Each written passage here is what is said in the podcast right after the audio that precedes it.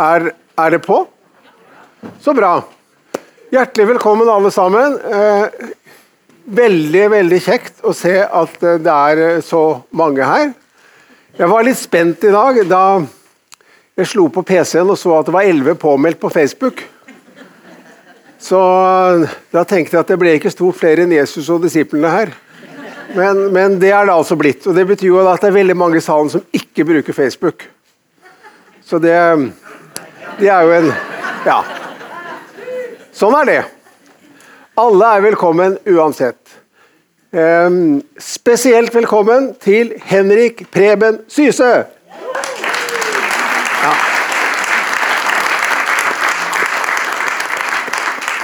Og hvor gammel er du da, Henrik? Jeg er helt i slutten av 40-årene. Nei da, jeg ble 50 i år, som jeg fortalte. Hey!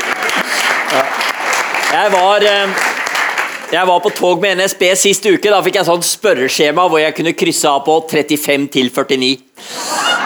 Det var siste gang. Ja.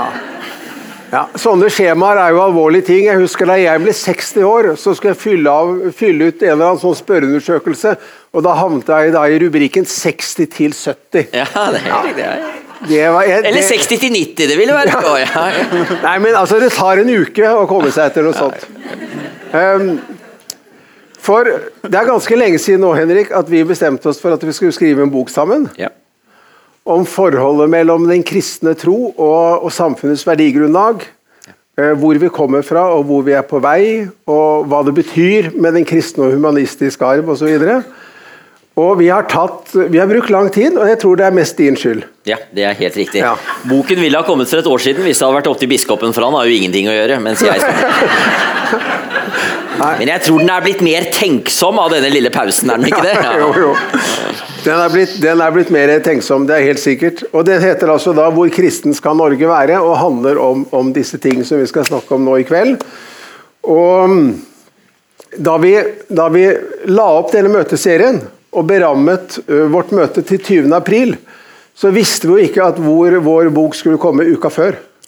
Så det var jo Dette er ikke veldig timet, men Sånn ble det, og det er jo da i og for seg veldig godt uh, tilpasset at disse tingene faller sammen.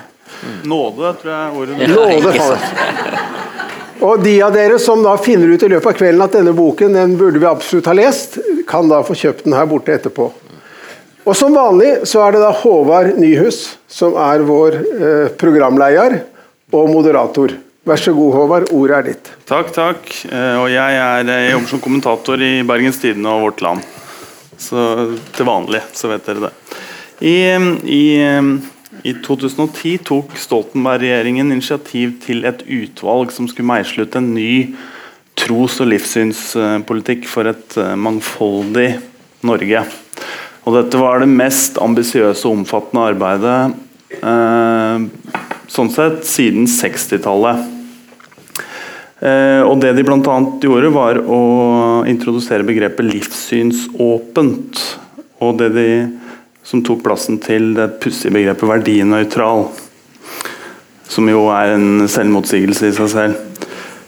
Og Så langt tror jeg dere veldig, var veldig fornøyd med det utvalgets rapport. Men så kom jeg, kom jeg til det mer kontroversielle. I et uh, kapittel hvor de så for seg uh, så litt inn i fremtiden, så tok de til orde for å luke ut henvisninger til kristendommen og Den norske kirke fra Grunnloven. og Da er det jo paragraf 2, 4 og 16 som er det sentrale. Og dette er dere helt uenig i i denne boken. Uh, hvorfor det? Start med Halvor, for det er han som har skrevet det kapittelet. Mm. Nei da.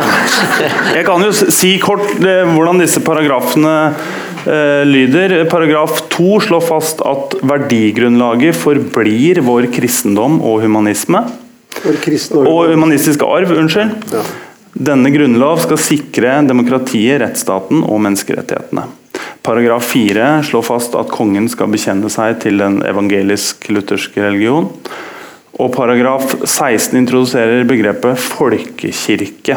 Den norske kirke forblir Norges folkekirke og understøttes som sådan, heter det altså i paragraf 16.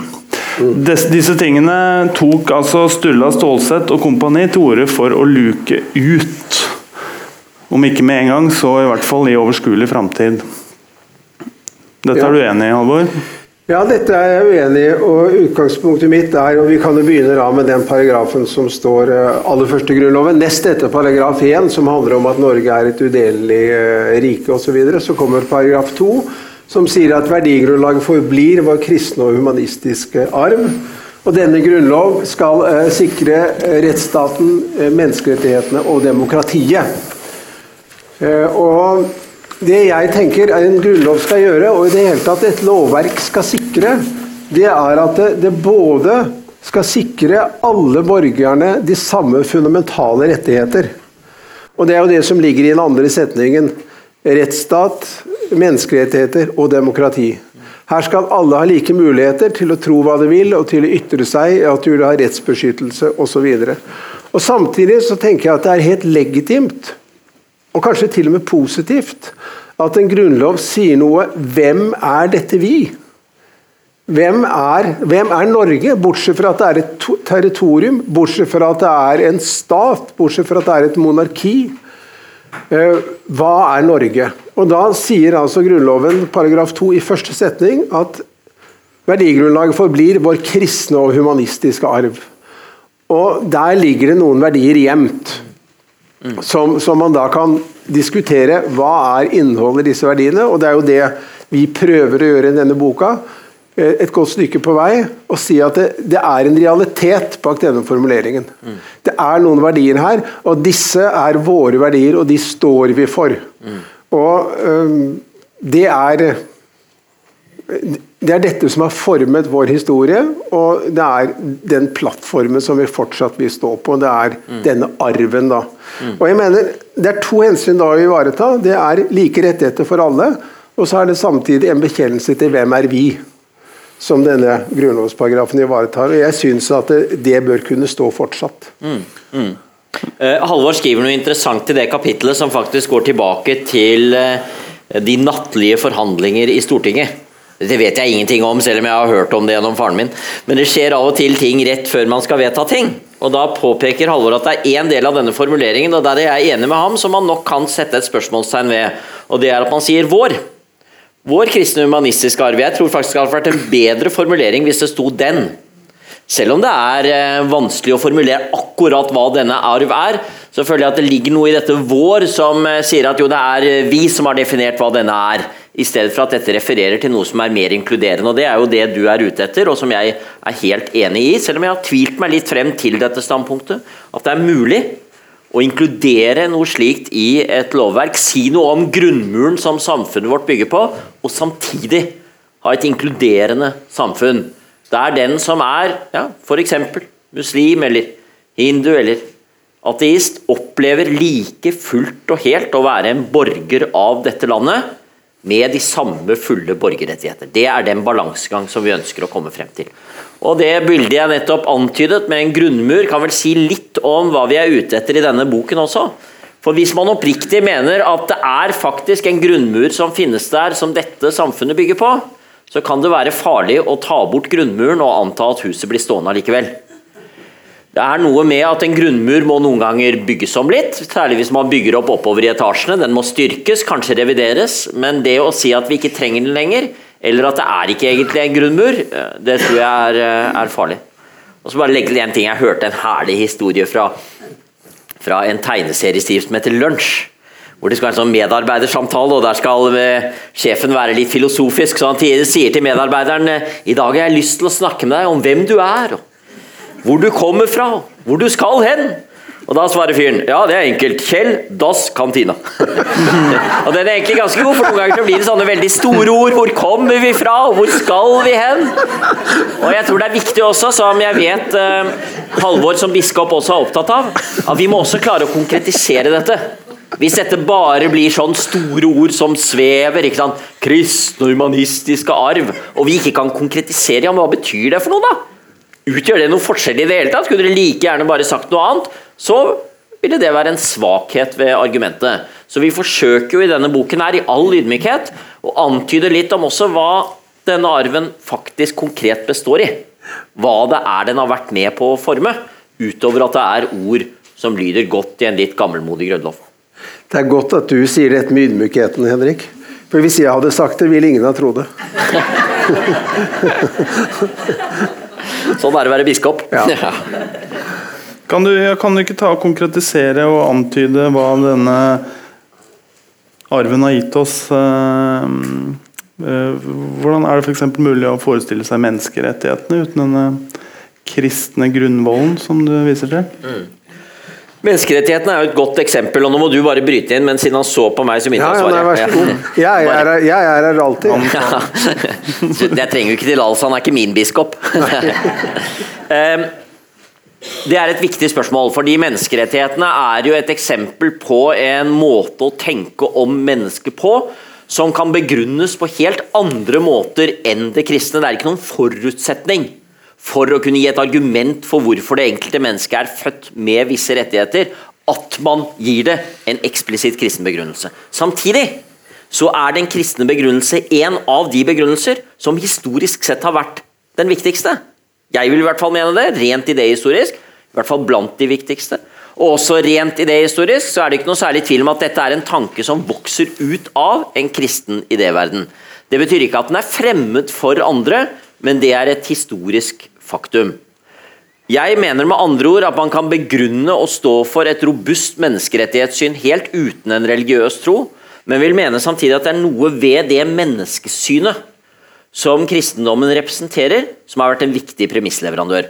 Og Det viktigste i det, og det har røtter tilbake til eh, Det nye testamentet og videre tilbake til det gamle, det ligger jo nettopp i det enkelte menneskelige vesen som en skapning med verdi. Og denne verdien er ikke en verdi andre mennesker har gitt den skapningen, men en verdi denne skapningen har i seg selv. Rett og slett som en Guds skapning. Og det er et veldig sterkt bejaende menneskesyn som jeg tror det er vanskelig å øh, skyve bort. Og samtidig se for seg at man skulle få det moderne begrep om, øh, om menneskerettigheter. Um, men jeg vil, vil likevel legge til dette viktige poenget, og det har vært uttrykt av en stor amerikansk filosof som heter John Rawls, at det som er viktig i vår verden, er å lete etter overlappende enigheter. Med en overlappende menighet, enighet, så mener Overlappende menighet, det er mer sånn menighetssammenslåinger og sånn. Med overlappende enighet så mener han der vi kan ha en konklusjon, endog en robust konklusjon, som kan ha forskjellige premisser. Du kan altså nå frem til denne konklusjonen, men du trenger ikke komme fra samme ståsted. Og Som Rawls påpeker, var jo det et av idealene da man skrev FNs menneskerettighetserklæring i 1948.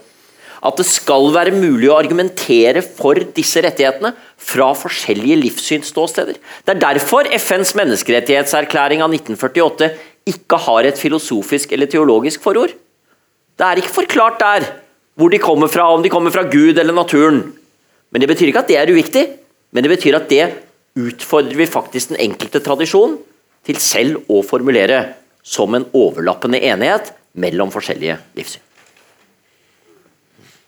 Vil dere ha mer filosofi? ja, kommer etter hvert. Mm. Boka spør hvor kristent skal Norge være. Eh, Men eh, hvordan, hvordan graderer du kristent på den måten, Alvor? Har, eh, tenker du deg at Norge var mer kristent for 20 år siden, og at denne pilen er på vei ned, og du vil snu trenden? Eller?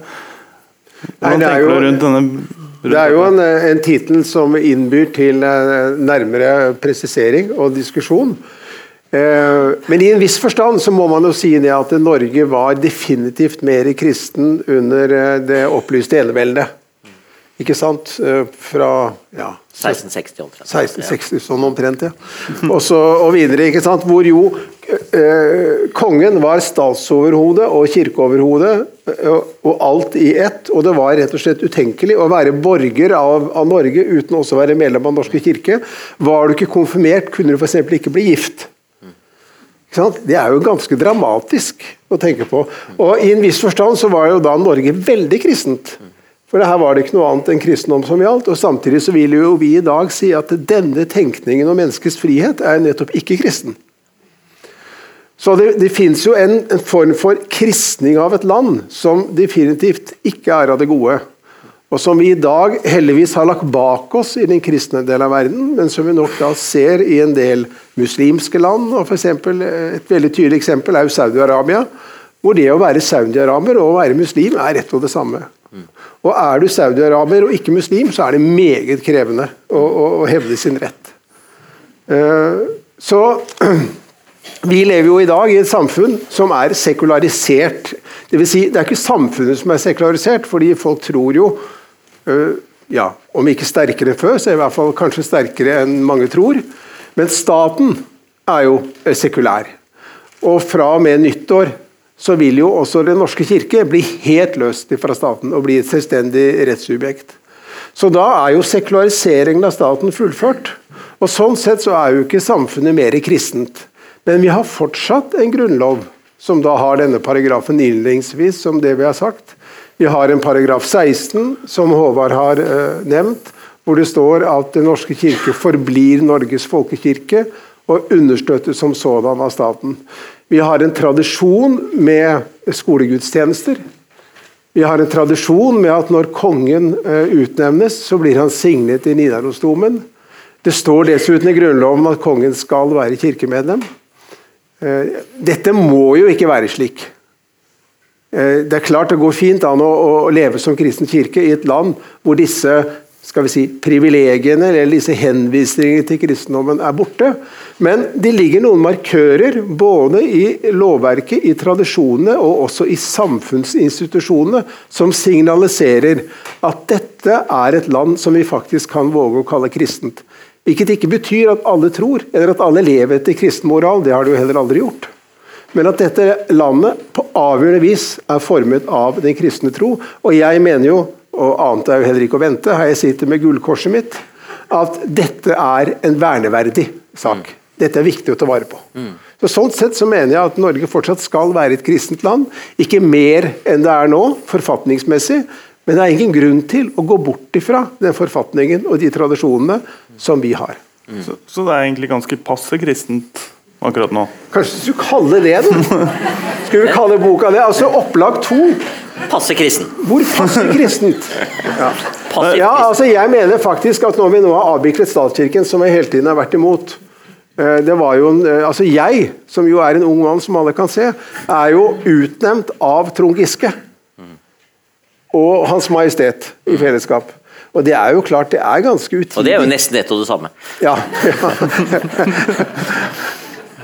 ja. ja. Nei, vi skal la den ligge. Ja, nei, jeg, bare, bare... Jeg, jeg, jeg, må jo bare få lov til å nevne at jeg en gang hadde gleden av å snakke med kongen om dette her med, med uh, preses i Nidaros mm. og greier.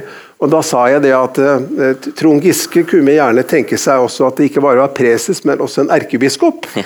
i Nidaros. Og Da humlet kongen og sa å ja, for Giske han skulle nok gjerne vært erkebiskop selv, han. oh, herlig.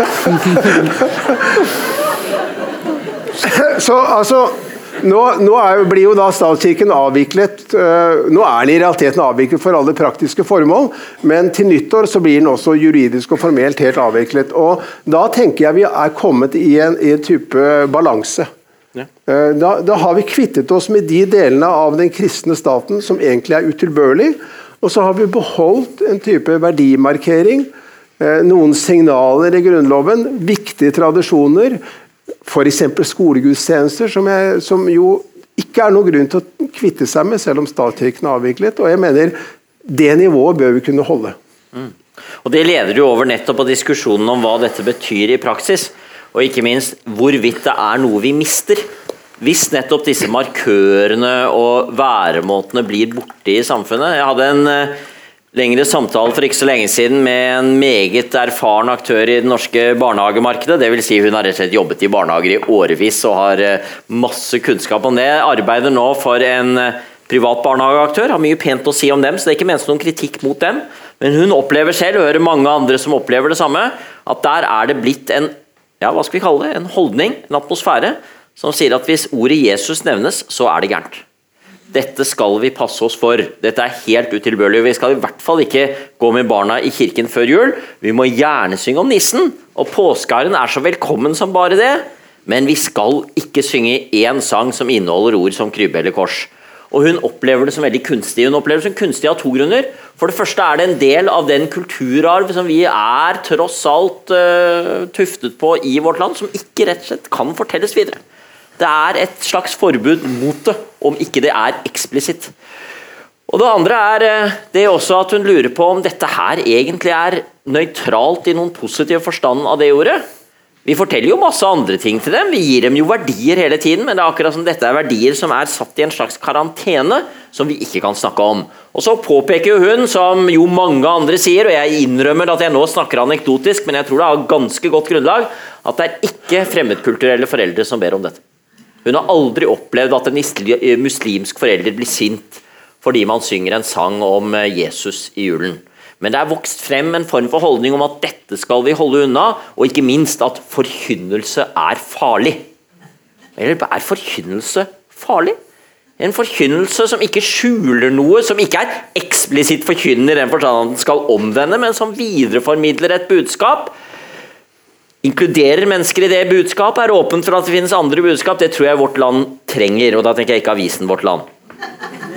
Og da er det som en fortsettelse at jo, på jeg tror du har helt rett, at vi institusjonelt nå er kommet til et punkt som jeg tror ganske utgjør et ganske godt kompromiss. Og som vi kan bygge videre på. Men jeg tror det er en del kulturelle krefter i samfunnet som ønsker at det vi egentlig skal ha, det er et samfunn der den religiøse tradisjonen mest mulig er plassert inn i institusjoner som folk selv velger å gå i i det private rom, men ikke i fellesskapsinstitusjonene, ikke i det offentlige. Og Det jeg er redd for kan bli et samfunn som nettopp tar bort veldig mye av det som både vårt samfunn bygger på, men som også gir mulighet for å orientere seg i dette samfunnet. Som gir en mulighet for å ta stilling til også det kristne idéinnhold. Og Det er nok noe av min kritikk av Stålsett-utvalgets innstilling. For det er mye bra der, ikke minst nettopp dette begrepet om et livssynsåpent samfunn. Men jeg tror den reflekterer en frykt for kristendommens tilstedeværelse i offentligheten som jeg tror, hvis vi skal være litt fremoverskuende og si historiebøker om 50 år, de leser jeg i en alder av 100, vil kunne si at uh, var det der så lurt? Gjorde vi noe der som ikke var riktig å gjøre? En, en gjennomgangsmelodi, det dere begge skriver, men ikke ja. Det er ganske musikalsk bok, vil jeg si. Ja, er jo en, en oppvurdering av tradisjonen og betydningen av Eh, de verdibærende institusjonene.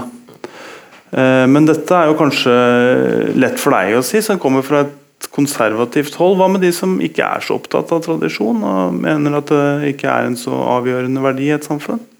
Jeg er ikke så konservativ. Jeg er i grunnen en sånn ordentlig barrikadestormer, ser dere ikke det? Mm. Som Flettfrid Andresen sa, jeg har vært politisk nøytral hele livet og alltid stemt Høyre. Nei da. Dette har ikke noe med politisk konservatisme Når du snakker om konservatisme her, så mener du jo nettopp en som befinner seg godt innenfor institusjonene som er, og da er spørsmålet godt, er ikke det greit for deg å si? Man kan stille samme spørsmål der. Du er jo en del av denne institusjonen. Du forsvarer den vel, du får jo lønna di derfra. Men det er jo nettopp i møte med dette mangfoldige samfunnet, hvor det er mange forskjellige verdiorienteringer, og mange som ikke nødvendigvis føler seg hjemme innenfor denne institusjonen, at man nettopp da kan stille spørsmålet er det ikke da det er viktig å ta vare på noe av den kontinuiteten som ligger i disse institusjonene. Det betyr ikke at alle trenger å være enig i dem, eller at de skal tvinges inn i disse institusjonene, men at tilstedeværelsen deres skal tas vare på. Det kan jo settes opp som en motsetning til et rent markedsliberalt argument. Og Dette gjelder ikke bare kirke, det gjelder andre kulturinstitusjoner også.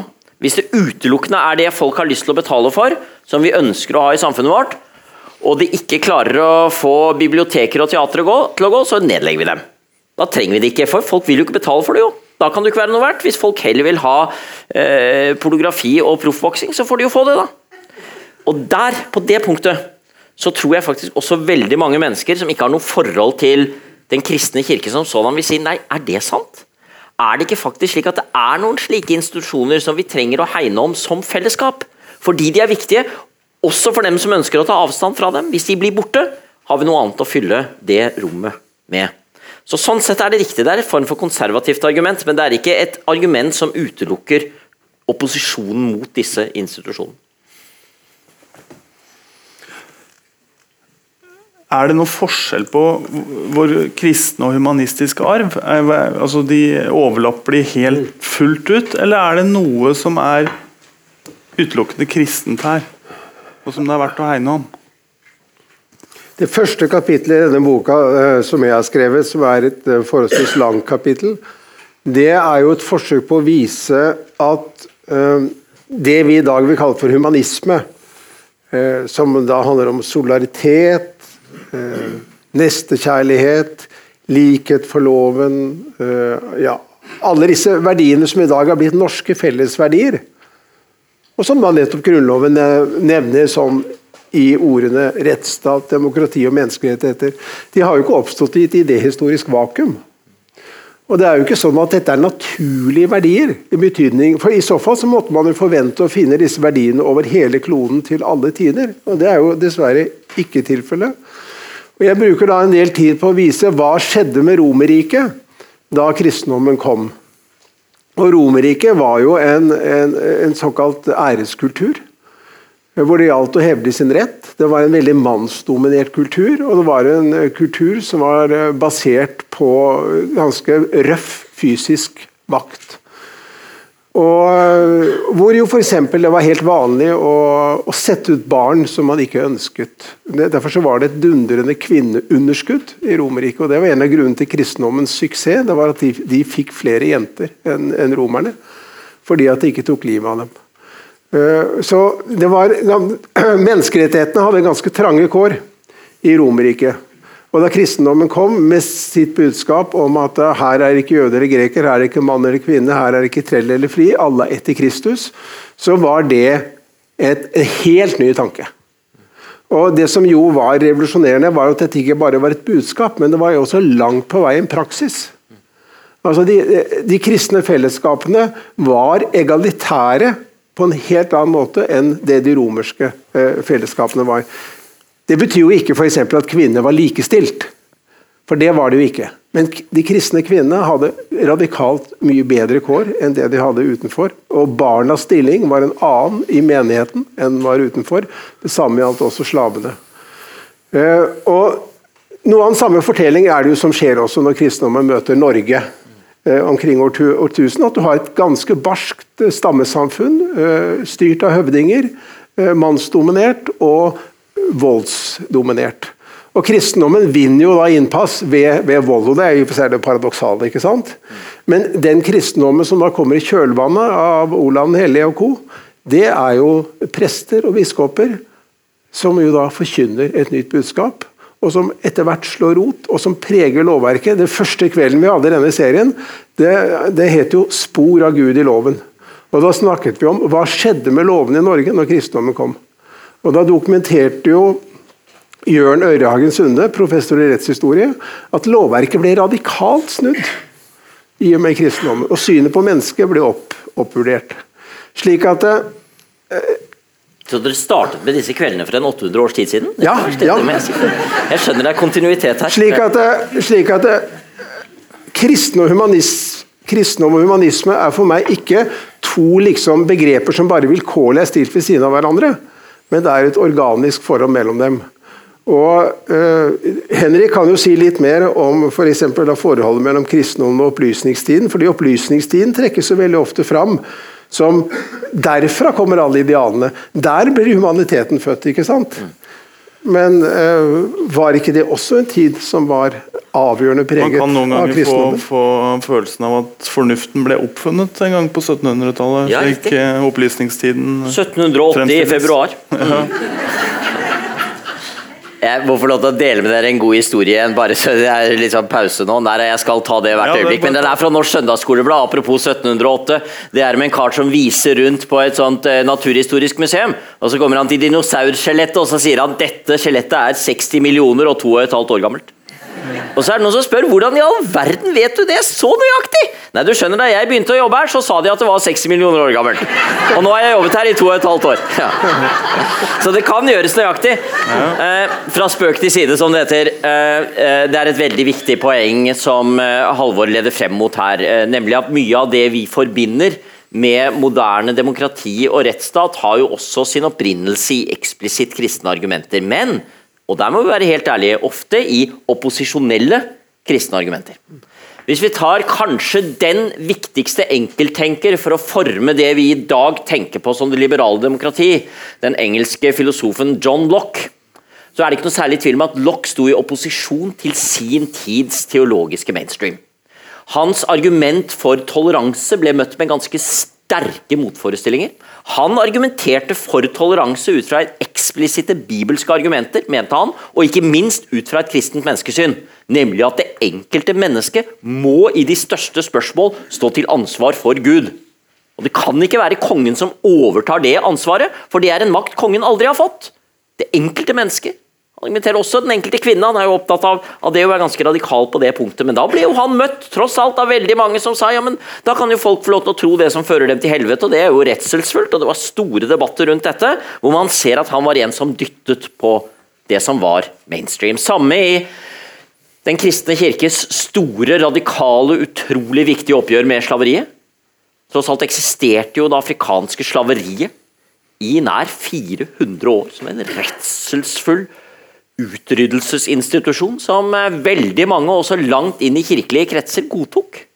Og Det var også noe som var et opposisjonelt standpunkt til å begynne med, som så etter hvert ble et felleskirkelig standpunkt. Takk og pris for det. Men også det opposisjonelle begrunnet i et kristent menneskesyn. Jeg tror det som kjennetegner det kristne menneskesynet i opplysningstiden og i den humanismen som på mange måter også går forut for det vi ofte kaller opplysningstiden. Tenk på Thomas More, Rasmus av Rotterdam på 1500-tallet, det er jo en grunnleggende forståelse, og jeg var inne på det i sted, av enkeltmennesket som skapt av Gud med en verdighet i sin forskjellighet. Og Jeg opplever det som et veldig Jesus-nært budskap. For hvis man og nå får du korrigere meg, du som er teolog, men de aller fleste nytestamentlere jeg diskuterer med, er enige om én ting. Nemlig at Jesus ble oppfattet som veldig radikal i sin samtid, fordi han turte å snakke med mennesker som var utenfor enheten. De spedalske er trygt plassert der. Samaritanske kvinner de står der borte, og der har vi dem i grunnen greit plassert. Og Sakkeus vil vi i hvert fall ikke være sammen med, for vi vet hva han har gjort. Så plasserer vi dem rundt slik, og så bryter Jesus det ned. Og så inviterer han dem inn i enheten. Slik at de er faktisk alle ett, men i sin forskjellighet. Og Det er et radikalt budskap som jeg opplever at opplysningssiden på sitt beste, og det er mye rart i opplysningssiden. Det er en sammensatt tid, og det er en tid for enevelde og heksebrenning. Men det er også en tid hvor man ser dette menneskesynet og dette budskapet tatt på alvor. At vi mennesker i all vår forskjellighet inkluderes gjennom vårt menneskeverd i dette fellesskapet. Så når jeg hører uttrykket 'kristent og humanistisk', vår kristne og humanistiske arv, så er det ikke minst det jeg tenker på. Det kommer til uttrykk i den moderne tanken om menneskerettigheter. Og Da blir spørsmålet hva om vi bare stryker de kristne, da? Kan vi ikke klare oss uten det nå, for nå er vi ferdig med det det er mulig? Kom derfra! Men vi trenger ikke det nå lenger, for nå har vi disse menneskerettighetene som en rent humanistisk tanke. Så vil jeg gå tilbake til mitt bilde om grunnmuren. Nei, jeg tror faktisk at en veldig viktig premissleverandør for dette er nettopp dette synet på mennesket som en skapning med verdi i seg selv. Og denne verdien er det vi filosofer vil kalle transcendent. Den er gitt fra noe som er utenfor oss. Mener jeg at alle må tro det? Mener jeg at det er den eneste måte å begrunne menneskerettighetene på? Nei, det tror jeg ikke nødvendigvis. Men jeg tror samtidig at hvis vi tar bort det, så tror jeg også noe av den viktigste pilar, eller jeg brukte ordet grunnmur, er, eh, er svekket. Eh, jeg husker jeg lærte en gang av fader Rollin, en herlig gammel dominikaner, fransk dominikaner i Oslo. Hans vitsetegning-favoritt det var en fra The New Yorker, hvor det står to menn foran et rett tårn i Pisa. Hørt om det skjeve? Er det noen av dere som har sett det? Ordentlig skeivt. Dette er rett, det er nytt, det er på 1200-tallet. Den ene av de to er åpenbart byggmesteren, og han hvisker til den andre Jeg har jukset litt med grunnmuren, men ingen kommer til å merke det. Det var riktignok hans oppfordring til å lese Thomas Aquinas, for han mente at folk jukset med å lese Thomas Aquinas. De må lese ham ordentlig. Men det er også et veldig godt bilde på å ta grunnmuren på alvor. Og ikke bare si 'nei, det er ikke så nøye'. Det er ikke så nøye hvor det kommer fra eller hva det betyr for noe. Nå har vi byggverk allikevel. Nei, jeg tror det er mer som står på spill enn som så. Men er det noen som hadde hørt om det tårnet i dag, hvis det sto rett? da? Nei, det tenker jeg, og jeg tror Pisas turistbyrå er veldig glad for den dårlige grunnmuren. Mm. Ja. Jeg har lyst til å bare understreke Poenget til Henrik er jo helt opplagt, nemlig at Kirken jo ikke uten videre har vært noen god forvalter av sin egen tro og sine egne verdier. Og veldig ofte har jo Kirken gjennom historien vært, vært på den gale siden. Kan du bare eh, nevne f.eks. Um, arbeiderbevegelsens eh, frembrudd i Norge, eller Venstre og parlamentarismen som ble møtt av oppropet til kristendommens venner i 1884. Hvor vi jo i dag vil si at den institusjonaliserte kirke ved samtlige biskoper sto kronisk på den gale siden. Men det interessante er jo da, eh, som jo Henrik også sier, at de som da opponerte mot kirken, de hadde jo et feste i, i kristne verdier. Og Jeg vil faktisk også mene at det, f.eks. En, en bevegelse som kvinnebevegelsen, som i utgangspunktet har vært veldig kirkekritisk, jo også har båret fram helt legitime kristne tanker, og delvis blitt møtt med massiv motstand fra, fra, fra kirkelig hold. Eh, så det å identifisere kirke og skal vi si, kristen påvirkning gjennom historien, det er et feilgrep. Veldig ofte har Kirken vært på den gale siden, og det er opposisjonen som har tatt vare på det beste i den kristne tro. Men det som er viktig for, for Henrik og meg, eh, og som er et hovedprosjekt med denne boka, er jo nettopp å vise sammenhengen mellom kristendom og humanisme. Og, og det er jo en undertekst her som vel egentlig ikke dukker opp så veldig tydelig, og det er jo Human-Etisk Forbund. Som jo har gjort ordet humanisme lik sekulær humanisme. De mener jo at en livssynssekulær humanisme, sånn som de selv står for, altså en humanisme uten Gud, er den egentlige humanisme. Og det mener vel vi, Henrik, gjør vi ikke det? At det er nærmest et idéhistorisk ran? Det er det, og hvis det er lov på en dag som dette å anbefale en annen bok enn vår egen så eh, vil jeg jo si at Dag Hareides bok 'Hva er humanisme?' er en veldig ordentlig og fin bok. Dag er en person som har eh, mange forskjellige bagasjer med seg for de av dere som kjenner, eh, kjenner til ham, både fra det kristne og det humanetiske, og selv har vært aktiv i en kristen sammenheng i mange år. Men det er en veldig balansert bok, og den er, den er etterrettelig. Og den var det en god del innenfor Human-Etisk Forbund som ble ordentlig sinna på. Det er eh, med all respekt for mine venner, sikkert humanetikere her også, men for meg var det nesten et kvalitetstegn at de ble litt sinna da. Fordi han utfordret på akkurat det punktet. Det er en, det er en god bok, jeg anbefaler den. Mm. Billig er den. Nå snakket vi om sammenhengen, sammenhengen mellom humanistiske og kristne verdier, men de kan jo også havne i konflikt. og Er det ikke det du skisserer når du eh, trekker opp temaet eutanasi. At disse to verdisystemene kan ha noen motstridende dynamikker. Ja, jeg har en, I det siste kapitlet hvor jeg da prøver å si litt hva kan den kristne humanistiske arv bety i dagens debatt. Nå mener jeg nok at den kristne humanistiske arv i Grunnloven ikke betyr så veldig mye i rettsstaten. Eh, eller i rettssalen, rett og. Det går ikke an å komme trekkende med paragraf 2 for å løse politiske konflikter. Men det går absolutt an å bruke paragraf 2 i ordskiftet, i det offentlige ordskiftet. Og vi vet jo det at eh, spørsmålet om aktiv dødshjelp, altså, eller eutanasi, da, det er jo allerede inne i Fremskrittspartiets prinsipprogram. Eh, det har også støtte visstnok av flertallet i befolkningen. Så det er vel bare spørsmål om tid før vi får den debatten for, eh, for full styrke. Og Der utfordres jo det kristne menneskesynet på samme måte som i abortsaken, bare nå i den andre enden av livet. Eh, nemlig er det opp til, til mennesket selv å, å, avslutte sitt liv, og skal helsevesenet også stille sine ressurser til disposisjon for dette. Og Det mener jeg er en typisk testcase, hvor da det utgangspunktet nemlig at alle har en iboende verd, fordi livet er gitt av Gud, og livet tilhører Gud, og livet tas også tilbake av Gud. Altså denne transcendente, eller utenommenneskelige forankring av menneskeverdet eh, betyr at det er ikke slik at et menneske har rett til selv å avslutte sitt liv. Og Det kan jo også dessuten finnes en rekke andre tilleggsargumenter. F.eks. at man vil bli gjenstand for press fra familie, pårørende. Man føler at man ligger til byrde for helsevesenet, og derfor så ønsker man å avslutte sitt liv. Altså, Det går an å vise til en sånn utvikling allerede, uh, at det skjer i et land som f.eks. Nederland. Eh, men Det er jo tilleggsargumenter. Hovedargumentet for en kristen vil jo være at dette er en grunnleggende grense som vi ikke kan gå over. Mm. Mens en sekulær humanisme eh, mangler jo denne forankringen og vil være mye raskere til å konkludere med at eh, hvis et menneske føler tilstrekkelig ubehag, så er det ingen som kan hindre dem i å ta sitt liv. Og her må også da eventuelt helsevesenet kunne stille opp med en type assistert eh, suicid, eller selvmord. Mm. Og et annet, ja, et ganske nytt eksempel på denne diskusjonen er jo Aksel Braan Sterri, er det ikke det han heter? Mm. Kommentator i Dagbladet som hadde jo et, en lang kronikk hvor han argumenterer for å kunne ta livet av uh, defekte eller sterkt skadde nyfødte barn. Altså Da er ikke lenger fødselen en grense, men da kan man også ta livet av, av nyfødte barn fordi at de har en veldig lav bevissthet osv. Og, så og det er nettopp bevisstheten som konstituerer menneskeverdet. Når, når Gud forsvinner, så må man jo på en måte forankre menneskeverdet i noe annet.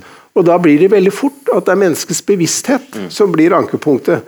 Det er en ganske skjør konstruksjon, for det er en del mennesker som ikke har særlig bevissthet.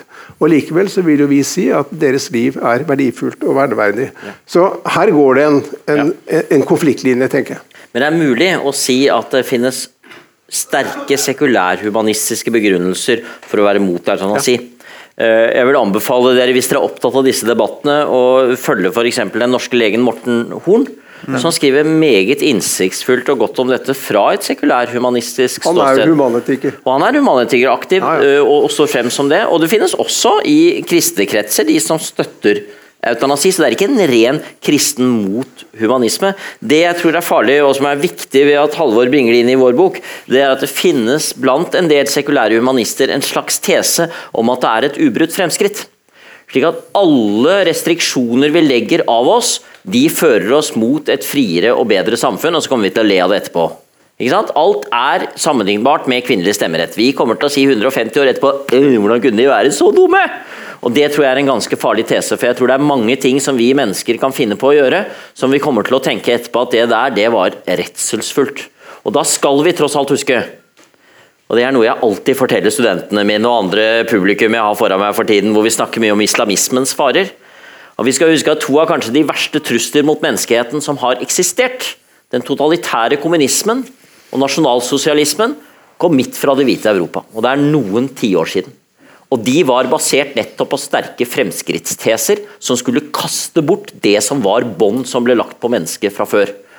Og Hvis vi tenker oss noe av den moderne bioteknologien i Adolf Hitlers hender, da har vi et skrekkscenario av dimensjoner. Og Jeg er redd for at hvis vi nå ikke stiller noen av de kritiske spørsmålene og Jeg er helt enig med deg at noen av de sterkeste og beste av de spørsmålene kommer fra kristent ståsted og med et kristent menneskesyn, men ikke bare det. Så tror jeg vi kan komme til å se en del ting som vi om noen år vil oppleve som svært uheldige. Og Derfor er jeg redd for denne naive fremskrittstesen. Bare nevne veldig kort. Tenk på fosterdiagnostikk før tolvte uke. Noen av dere vil skjønne hva jeg mener med det, for før tolvte uke har vi i Norge selvbestemt abort. Det kan man si mye forskjellig om, det har vært en stor diskusjon, det vil det fortsatt være. Men i hvert fall så lenge vi har det. Hvis du kan i niende uke finne ut av om barna har mørkt eller lyst hår, skal du ha den informasjonen? Skal du få det som et spørreskjema om hvem du vil ha? Eller hvilket kjønn, for å ta hvilket noe mer nærliggende. For å ta noe helt åpenbart. Eller hva om det er en stor fare for Ja, la oss ta noe som er utbredt og som kan være slitsomt, hyperaktivitet. Hva mener vi da? Og dette her er ikke science fiction, det er ikke Brave New World. Det er så å si der vi er. Og da er denne debatten livsviktig. Og da tror jeg at det som vi snakker om her, som en kristne og humanistisk arv, har veldig mye viktig og konkret å bidra med. Men du begynte jo, eller Tidligere så snakket du om John Rawls og forestillingen om overlappende enigheter. Ja som springer ut fra ulike utgangspunkt. Men viser ikke eutanasidebatten og nå denne kanskje med fosterdiagnostikk at sekulærhumanismen som verdisett og, en, og et kristent verdisett ikke overlapper? De, mm. Godt spørsmål, godt spørsmål, men jeg tror altså ikke det nødvendigvis er tilfellet. For jeg tror veldig mange av disse verdistandpunktene som vi i dag forbinder med et kristent menneskesyn, og i stor grad utsies fra et kristent ståsted, også har en solid argumentativ basis som ikke er avhengig av den troen. De kan trekke sin inspirasjon derfra, mye av sitt menneskesyn derfra, men det tror jeg jo der tror jeg er en av tragediene. nettopp det At det da blir stemplet som ja, det er jo et kristent argument. Så det trenger vi jo ikke høre på. Jeg ser hvor mye man ser av det i, i debatten. Nå skal disse kristne komme og presse på seg sitt menneskesyn og ta fra oss friheten vår, i stedet for at vi diskuterer substansielt hva det handler om. Og Dette vet jeg heldigvis en god del nordmenn som jobber med dette fra medisinsk-etisk ståsted, er veldig opptatt av. Morten Horn nevnte jeg, en annen flott skribent som heter Morten Magelsen. Han har skrevet mye fint om dette. Han er aktiv i en kristen sammenheng, men han insisterer på at dette er argumenter som fullt ut er gangbare i en helt sekulær medisinsk debatt, og som vi er nødt til å lytte til, selv om, eller han vil jo si også fordi, de har sin basis i et kristent menneskesyn. Men når vi nå har en Vi må jo si det, Henrik, at det norske samfunnet i veldig stor grad er et konsensussamfunn. Hvis vi sammenligner oss med andre, andre land, f.eks. Eh, eh, Frankrike, så er jo det mye mer polarisert, for ikke å snakke om USA.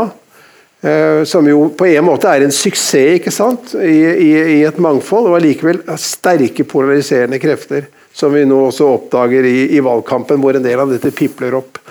Eh, men når det er en så stor konsensus, så tenker jeg at også den sekulære humanismen har jo også vokst fram på kristen mark. Mm. Mm. Er jo, den er jo sånn sett ikke sekulær, selv om den da i og for seg frasier seg sitt farskap. Mm. Så er det allikevel noe der. Mm. Enig. Men det er, det er, helt riktig, det er et konsensussamfunn. Men hva vil du da si til han som vil ha seg frabedt å bli inkludert i dette vårt verdigrunnlag? Er kristent. Ja, Det skriver jeg også om i boka. Henrik nevnte det innledningsvis. At det kan hende at formuleringen 'den kristne og humanistiske arv' vil være eh, bedre. Eh, fordi at eh, den da ikke er så skal vi si, invaderende, da, eller klam, som noen kanskje opplevde. Jeg mener nok allikevel at når det står 'vår' i paragraf 2 i Grunnloven, rett etter paragraf 1 om statsdannelsen, så er det ikke vår i betydningen det enkelte mennesket, men det er den norske stat som snakker her. Så Egentlig så bør det være greit, men kanskje kunne vært bedre å, å tatt dette våret bort. En, en, paragraf dere ikke drøfter, om jeg husker rett, er eh, den nummer fire, som sier at kongen skal bekjenne seg til den evangelisk-lutherske tro. Um, Syns du det, det er, neste bok. Ja, det er, ja. Nei, altså, det, Gi oss en liten forsmak. forsmak. Hva, hva syns du er en god idé?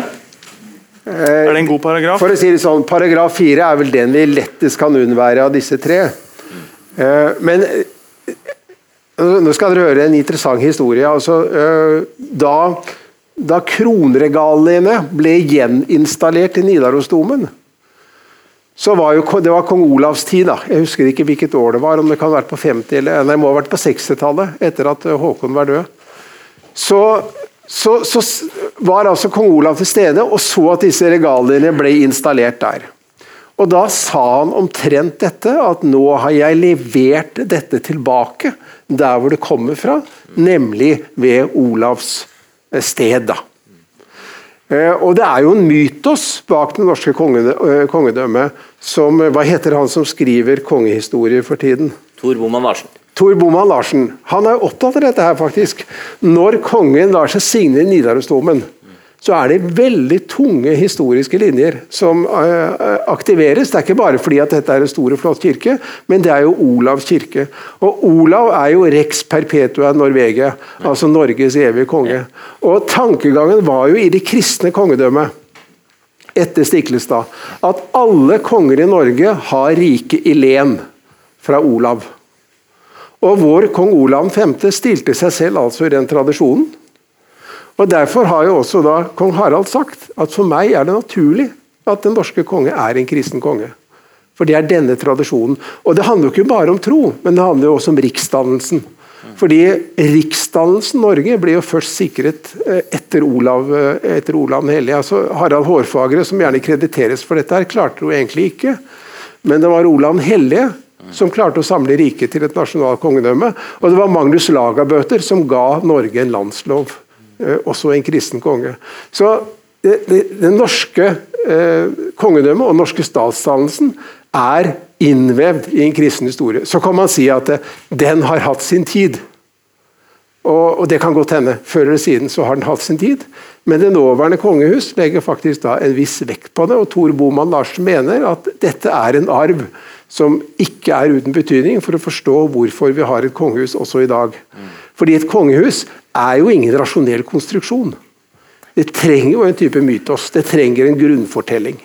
Mm, jeg syns det er veldig, veldig fint uh, sagt. Jeg plukker opp på noe som du fortalte meg i bilen, og nå har jeg lyst til å drive litt uh, reklame for biskopen deres. for jeg er veldig stolt over å ha fått lov til å skrive denne boken sammen med deg. Og jeg har lært mye av deg i, i den prosessen. Syns det er flott den måten du er til stede i offentligheten på. Jeg tror vi trenger uh, biskoper som er til stede og snakker også om eksistensielle spørsmål, om de store spørsmål, om meningen med livet og om landet vårt.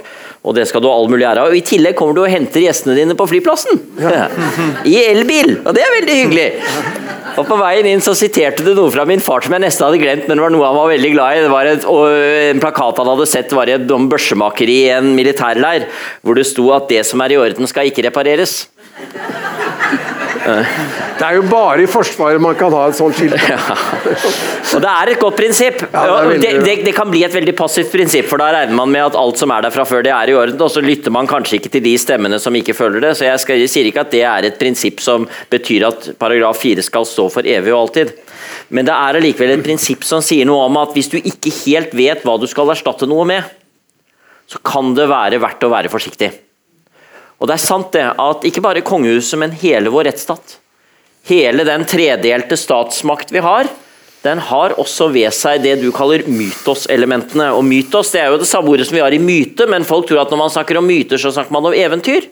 Men myter er jo noe mye mer enn det. Myter er jo også billedlige fortellinger som uttrykker noe om hva det vil si å være menneske. Altså En teolog vil jo være helt åpen på at skapelsesberetningen i første Mosebok er jo en form for myte, men det er ikke det samme som et eventyr, men det er en billedfortelling som sier noe. Og på dette så hviler veldig mye av det vi har. Bare se når Stortinget åpnes, da. Hvorfor tar man ikke heller bare gi hver av dem en nøkkel og sier ok, nå er vi i gang, kom igjen. Vedta lover og kom dere hjem. Hvorfor skal de stå der med sånne røde løpere og lese og stå i jo, det er jo nettopp fordi dette gir en form for ærefrykt. En form for opplevelse av at dette kommer fra et eller annet sted. Vi har ikke bare funnet på det nå, og derfor skal vi være litt forsiktige med å endre det. Og vi skal gi det videre til andre. Vi har faktisk noen barnebarns barn som ikke lever ennå. Og de skal også ta imot dette her. Og Det opplever jeg som veldig meningsfylt å tenke gjennom hva er de institusjonelle forutsetningene. og Det er også en del av det vi skriver om i den du, ja, du skriver jo bl.a. om eh, betydningen av et mytosinnslag. Ellers er det Halvor som gjør det. Og betydningen av, betydningen av et mytosinnslag i lovteksten. Lovens religiøse dimensjon, med referanse til Bærmann. Kan du, Som et forsvar for, eh, for paragraf 2, slik den er formulert i dag. Um, vil du forklare dette for oss, Halvor? Det kan jeg prøve på. Eh, altså, det er jo Henrik, da. Alle, eh, når du sier noe godt om meg, så skal jeg med glede returnere det. Det, det trenger han ikke, altså. Nei. Ble vi ikke enige om det? eh, at, at, Henrik ga meg tips om en, en rettsfilosof, som han vel er. Eh, amerikaner ved navn Harold Berman. Mm. Harold Berman, ja. Mm. Som som eh, har reflektert eh, litt rundt dette her med rettens kilder. Hvorfor er, eh, hvorfor er eller hvorfra henter jussen sin autoritet? Mm. Jeg vet ikke om dere har reflektert over det, men dere ser sikkert på detektiven dere som meg noen ganger. Og da, da, er det jo påfallende Jeg vet ikke, Kanskje noen av dere har erfaring med å ha vært i rettssalen mange ganger også. Men stort sett så kjenner jeg rettssalen heldigvis fra TV det er jo dette påfallende oppførselen. At, de, at dommerne har kapper, ikke sant. Folket reiser seg når eh, de, de, kommer inn. Det er en høytidelighet. Og det er en sal som gjerne har en viss verdighet. Og det hele, hva minner det om? En rettssal minner om en gudstjeneste. Det er en rituell oppførsel, det er rituelle klær, det er en form for liturgi. Det er en verdighet. Og det sier Berman, dette er ikke tilfeldig. Fordi loven har en type religiøs karakter, ikke betydninger at den begrunnes i Gud. For Vi sier jo ikke lenger at dette her er lover som er gitt av Gud, sånn som Moses på fjellet. Men vi sier at lovene er objektive. Og lovene er transpersonale, altså de er, de er over oss. Og eh, lovene omgir seg med ritualer. De har en bestemt tradisjon. Rett, retten utstråler autoritet. Og den måten som retten har ordnet på, vil også si noe om at disse lovene som er over oss, de gjelder universelt. Og alle er like for loven. Altså, er, og den underteksten som Berman har, da, det er den såkalte rettspositivismen, som sier at lover er bare uttrykk for hva en forsamling mennesker mener til enhver tid. Og de endrer seg med tiden, og, og det er ingenting som ligger fast. Alt, alt, kan egentlig forandres. Men Berman sier nei, det er ikke sånn vi tenker om loven. Hvis loven skal respekteres, så må den ha en gyldighet som ikke bare er punktuell, som ikke bare gjelder akkurat nå, men som har noe objektivt og noe, om ikke akkurat evig, så i hvert fall noe varig over seg. Og Hvis ikke loven har en sånn autoritet, så vil folk kort og godt snyte på skatten så mye de kan. Så, så lenge de ikke blir tatt, vel å merke. Mm. Og dette, Til grunn for dette ligger det jo også to forskjellige eh, bety, Folk kan ha to forskjellige Når vi snakker om det norske folk, så har det to valører. Ja. Etnos og demos. Det eh, Kanskje du har lyst til å forklare? For det, fordi Poenget her er vel at paragraf 2 skal snakke til begge disse sider ved mennesket. Mm. Både mennesket som etnos og demos. Mm. Også dette er for øvrig et av Halvors kapitler. De er i grunnen de aller beste. Ja. Men jeg sier gjerne noe om det. altså. Ja. Ja, det er akkurat som Paul McCartney spiller en del lead gitar der du tror det er George Harrison, og så er det liksom så, det er du som har kontrollen her. Det er du som er Paul McCartney. Uh, dette var en liten reklame for plateavdelingens herresjappe, nei, herreavdelingens platesjappe, mm. som går på torsdag kvelder på radio, og der er jeg med og snakker om Beatles og filosofi. Når vi sier 'vi' om et folk, så kan det være to forskjellige ting. Det kan være flere òg, men ikke minst det. Etnos det er det vi som i større grad da er inkluderende til med sånne mytoselementer, hvor vi kommer fra, hva slags tradisjon vi har, hva som binder oss sammen, hva vi kaller et fellesskap. Demos det er mer det vi kan vedta og telle det kvantitative. Hvor mange mennesker bor det der, og hva mener de, og hva er de blitt enige om, og hvilke institusjoner har vi skapt for å ta vare på det. Og man kan si at Demos-elementene ligger nettopp i sånn som folkestyre og rettsstat, mens vår kristne og humanistiske arv, det er i større grad uttrykk for etnos. Etnos er et begrep som er blitt litt mangetydig, og ikke alle liker like godt, for det henger jo sammen med etnisk. Og da tenker vi straks på innenfor og utenfor. Vi er denne etnisiteten, og de er en annen. Men dette har ingenting med rase eller hudfarge eller språk å gjøre, selv om språk kan være en del av det. Gjenkjennelig ytre kjennetegn kan være en del av det, men det er langt større grad snakk om et idéinnhold, noe som er med på å forme oss. og Det som vel er argumentet vi har i boken vår, er at hvis du kaster etnos over bord og sier at det er ikke noe viktig, det har ingenting å si, det er noe du får ordne med selv, det er privatlivet, det. Tro hva du vil, og det er ikke noe som har noe på Stortorvet å gjøre. Så tar vi også og gjør folkebegrepet veldig snevert og fattig. Og så kan du korrigere meg hvis du syns jeg sa det. Det, er det en tendens til det? Mm. Ja, Det er klart, altså, det er jo en tendens til det. fordi Det er jo lettest å argumentere langs Demos-linjen. fordi at Demos sier ikke sant, at uh, her er det en, en statsdannelse, det er et folk. Alle skal ha samme rettigheter, alle som står i manntallet skal ha stemmerett osv. Og, så og det er vi helt for. Og alle skal behandles likt. og Det er vi også i utgangspunktet helt for, selvfølgelig. Men så kommer etnos-tradisjonen. altså dette, Vi er allikevel et folk. Vi har en tradisjon, vi har noen verdier. Og når jeg dro dette arrangementet, eller resonnementet med rettsstaten i stad, og rettssalen, så var det jo et forsøk på å vise at paragraf 2 i Grunnloven fungerer som en slags legitimering av hele Grunnloven. Mm. At det er en type formålsparagraf, og det er noe helt nytt. Det hadde vi ikke før, men det har vi fått nå. Altså det er en vimpel som vaier over hele lovverket og sier hallo, eh, vi er, eh, vi er en kristen og humanistisk nasjon. Og Så kommer også da paragraf 16 inn, ikke sant, som sier og dette er jo den eneste paragrafen i Grunnloven som man virkelig kan si at det her brytes liksom likhetsprinsippet, nemlig Den norske kirke er, forblir Norges folkekirke. Eh, en klar preferanse. Erna Solberg sa i et nyttårsintervju eh, til Vårt Land at eh, Den norske kirke er Norges folkekirke, og sånn vil det alltid være. Og den står i en særstilling. Og Det er en type etnos. Det er sånn kultur- og tradisjonsargumentasjon. Som noen vil angripe og si at ja, men dette er diskriminering. Dette, og Det mener Stålsett-utvalget. Dette er diskriminering, det må vi få bort.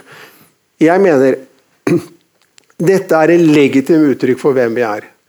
Hvis det er diskriminering, så må noen kunne påvise at noen hindres i sin trosutøvelse, eller i sin ytringsfrihet, eller i sine menneskerettigheter, fordi denne paragrafen er der.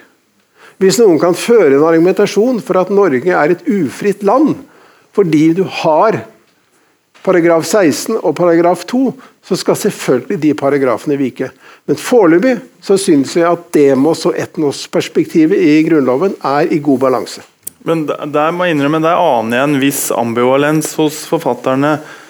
Paragraf 16 gir altså Norske kirke en særstilling, og så sier dere at dette er likevel ikke å regne for diskriminering. Men så senere så kommer dere vel dem i møte litt, de som tolker dette som en form for diskriminering. Har du lyst til å lose oss gjennom dette ulne landskapet? Litt ullent er det fordi det er komplekst. Eh, det er helt riktig at vi prøver å si to ting på en gang. Vi prøver å si at dette er meningsfylt. Det er med på å gi noe til Norge både som rettsstat og som folk som er verdt å ta med seg. Og samtidig ønsker vi å si at her skal det være en full religionsfrihet. Vi skal være et land hvor du skal kunne være norsk borger og stolt norsk borger uten å være av etnisk norsk opprinnelse eller å være en del av Den norske kirke i det hele tatt. Vi sier begge de tingene på en gang. Men det vi jo allikevel forsøker å holde fast ved, er at det førstnevnte tar ikke livet av det siste. Kanskje tvert om. Kanskje er det faktisk med på å gi en større trygghet, en større grad av kontinuitet til dette skjøre byggverket som en moderne liberaldemokratisk rettsstat tross alt er. Altså La oss ikke glemme at dette er et system som det finnes mennesker i verden som ønsker å knuse. Og Det er utrolig viktig nå at vi tar vare på det, for vi tror fullt og helt at dette er det frieste og beste system som tenkes kan for å skape fred og harmoni mennesker imellom og ta vare på det enkelte mennesket. Da må vi også ta vare på forutsetningene for det. Men det er riktig, du, du identifiserer helt rett en spenning, og vi prøver å være veldig ærlige om den spenningen. Vi sier jo ikke at dette er enkelt. Bare, ja, bare si at uh, vi har en folkekirke, og ellers er du fri og uh, kan du gjøre som du vil. Nei, det er komplekst. Det er skjørt. Det er noe som trenger å balanseres.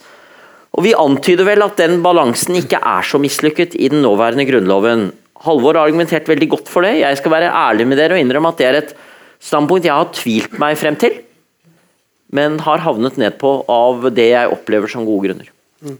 Det, det som er interessant, uh, øh, syns jeg også, det er jo at uh, dette at Den norske kirke i paragraf 16 nevnes som Norges folkekirke, betyr jo også at staten eksplisitt nærmest sier at vi ønsker å føre en støttende tros- og livssynspolitikk. Det har jo ikke stått i Grunnloven før. Det har bare stått at det har vært religionsfrihet, og det er noe annet. For en, en, en stat kan praktisere religionsfrihet og være helt tilbaketrukket. Altså, det er den amerikanske modellen. A wall of separation mellom, mellom stat og, og, religion. I Norge så er det ikke sånn. Det er si tvert mot staten vi støtter Den norske kirke som folkekirke. Det betyr at den skal finnes overalt og være landsdekkende. Og så sier de også, og det er jo poenget her, og alle tros- og livssynssamfunn skal støttes tilsvarende. Altså Human-Etisk Forbund, buddhister, muslimer, alle deres overføringer som de mottar fra det offentlige, og det er jo betydelige beløp, og i prinsippet skal det være det samme som Norske kirke får per hode, henger på den paragraf 16, som faktisk innledes med Den norske kirke som Norges folkekirke. Så Paradokset her er at det som prinsipielt sett kan være tvilsomt, sett i balansens perspektiv, nettopp er det som sikrer mangfoldet og en aktiv støttende eh, politikk fra Stortingets side, så, denne, så lenge denne grunnloven består. Den norske kirke blir som et lokomotiv som trekker med seg de andre livssynsvognene. Ja, dette er et veldig flott bilde, syns oh, jeg. Jo, men, men, jeg tror ikke vi skal dra det lenger enn å si at dette gjelder da i økonomisk forstand. Ja. Det, er, det, er, statsstøtten til Den norske kirke som drar de andre med seg, og, og, og lenger enn det holder ikke det bildet. Sånn sett så syns jeg det som vi skriver i etterordet også er viktig. Fordi det er veldig lett at dette blir en debatt om statsstøtte og penger. og Det er viktig det også. Men jeg ser helt klart argumentene for å ha livssynssamfunn som er basert på mennesker som først og fremst driver med det pga. sitt engasjement. Ja, min venn Torkel Brekke jeg er ikke enig med ham i dette, her, men han har utfordret på det punktet. Jeg vet ikke om noen har fulgt ham i samfunnsdebatten.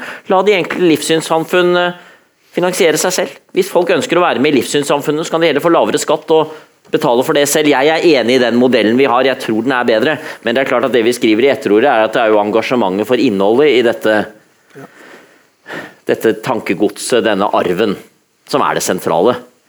Altså, Jeg er jo ikke på langt nær så høyt på strå som ham i denne kirken her. Jeg er en menig søndagsskolelærer. Men det er jo der de viktige tingene skjer. Det er jo ikke de store Altså ikke i motsetning til deg. Det skjer ute i Det er fint i prekenen nå, men jeg tenker på det er, det er- det er der og ikke i lovparagrafene.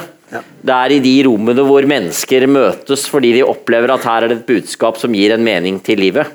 Eller eventuelt man ikke føler seg hjemme i det budskapet, men likevel ønsker å lære om det, kanskje av nysgjerrighet, eller kanskje er med i et dåpsfølge en søndag og plutselig havner inne på søndagsskolerommet. Jeg treffer en del av dem. Og jeg håper vi har noe å samles sammen om da som virkelig betyr noe. Da snakker vi ikke om lovparagrafer og statsoverføringer, da snakker vi om meningen med livet. Da, da snakker vi om hvorfor vi mennesker lever, hva håp er, hva tro er, og hva kjærlighet er. Og Det er det i siste instans handler om. Og det er det vi forsøker også å si på slutten av en bok som ellers veldig lett kan komme inn i diskusjoner om det prosedurale, om regler og institusjoner og penger.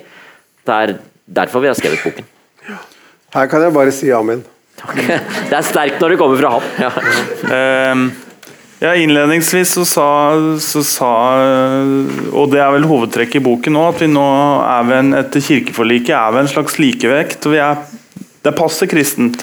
Samtidig som dere da identifiserer noen eh, noen trekk dere er skeptisk til. Og, eh, og du skriver bl.a. Henrik om, eh, om en tendens til at den religiøse erfaringen dyttes tilbake i det private. Vi skal straks åpne fra, for spørsmål fra salen, men bare, vi bare ønsker å vite litt mer om det. Hva du legger i dette. Det er inspirert av en eh, lang filosofisk tradisjon som i moderne tid er kommet til uttrykk bl.a. hos Henri Bergson, en kjent fransk filosof, Erik Føglin, en kjent tysk filosof, som er veldig opptatt av at alt det vi tenker på som kristen tradisjon og historie, kommer jo fra noen erfaringer. Erfaringen av å møte Jesus, eller Paulus' erfaring på vei til Damaskus. ikke sant? Dette er mennesker som har opplevd noe. Og det som vel kjennetegner mye av vår tid, er at opplevelser veldig lett blir sett på som noe subjektivt. Erfaringer det er noe du har selv, men de gjelder jo ikke for noen andre. Og så får vi ikke et levende rom hvor vi nettopp kan møte hverandre med våre livserfaringer. Livserfaringer som tolkninger av livet. Ja, Hva betyr det å leve? Hva betyr denne erfaringen? Hvor kommer den egentlig fra? Og Det tror jeg kan bli en en, både en død tro, som til slutt bare handler om noen dogmer. ikke sant? Altså Det er sånn og sånn og sånn, og enten så tror du på det, eller så tror du ikke på det. Og hvis du har noen erfaringer rundt dette, så får du ta det med deg hjem. Eh, Jeg tror jo at vi trenger å snakke om disse erfaringene. Jeg tror jo at mye av det vi ser i vårt samfunn, med ikke minst mange unge mennesker, som opplever at de trenger ganske mye mental hjelp i livet, er også fordi de opplever at eh, det som de har og bærer med seg inni seg, det er det ikke rom for å snakke om. Jeg sier ikke at det er en allmenn regel, det er veldig mye fint der ute også. Men jeg tror at det å tørre å ta med seg hele livserfaringer, ta med seg hele mennesket, og det er noe av det som, som Jesus gjør med mennesker, og som er så viktig. Det er i hvert fall noe av det jeg opplever som aller viktigst. Og Hvis man kommer til en situasjon hvor man nevner ordet Jesus eller tro, og folk blir sånn 'Jeg må ikke snakke om det, det er livsfarlig', ta det med deg hjem. Så tror jeg det blir et fattig samfunn. Dette er vel i tråd med moderne teologi òg, Alvor? En større vektlegging av erfaringen. Erfaringens betydning. Det er klart at uh, du kan si eh, de, de, de siste tiårene så har man jo innenfor, både innenfor teologien og innenfor vitenskapen generelt utviklet et, en mye større forståelse for praksis, rett og slett. Ja. For erfaringsdimensjonen, altså det hermenautiske. At en tekst og en hendelse blir alltid tolket i en bestemt tid. Og vi har alltid med oss våre erfaringer eh, når når vi forteller og når vi gjengir eh, dette. Eh, Og så Sånn sett så er det en, rehabilitering av erfaringen som rett og slett re, så, eh, religiøs kategori, i motsetning til gangen hvor jeg studerte teologi, hvor eh, teologien skulle være objektiv. Og, og sann og så å si ubesmittet av erfaring, for erfaring var alltid noe skummelt. Det er, dette er jo mye mer nyansert i dag. Det som er utfordringen i dag, er å forsøke å begrunne at det midt i all eh, erfaring også finnes noe som faktisk er sant. Og ikke bare subjektivt eh, opplevd. Og det står noe med fra mine kapitler. Ja, det gjør det. Altså Det kapitlet du har om kristendom og filosofi, er jo, tar jo veldig godt tak i dette, syns jeg. Fint, takk. Et et lite anekdotisk bevis fra min side. Denne voldsomme helt voldsomme, påfallende interessen for denne danske forfatteren som har erfart Jesus i en kirke i Spania. Som det er et helt sånn enormt folkelig sug rundt, denne historien hennes. Peker ikke den andre veien? At, at, eh, at, eh, at religiøse erfaringer har en stor plass i offentligheten? Jo, jeg tror nok at vi lever i en veldig eh, sånn erfaringshungrig kultur. Men den er veldig ofte subjektiv. Ja, det er hans erfaring, eller det er hennes erfaring. Og så andre andre erfaringer. Det å prøve å sette disse erfaringene i sammenheng med et idégrunnlag, en tradisjon, en trosretning, eller prinsipper for den saks skyld, det tror jeg man ser mindre grunnlag for å gjøre, fordi mye av det språket mangler for å gjøre det. Og da blir det på en måte bare enkeltstående hendelser. Ja, ja, han opplevde Jesus, og så opplevde man noe annet dagen etter. Eh, det å sette dem inn i en større sammenheng er jo det som er den filosofiske utfordringen. I så måte. Også en samfunnsmessig utfordring, tror jeg. Hmm. Nå er det sikkert noen som har lyst til å rekke opp hånda, kan jeg tenke meg? Nei, jeg har sagt noe allerede. Jeg ser en arm langt der bak.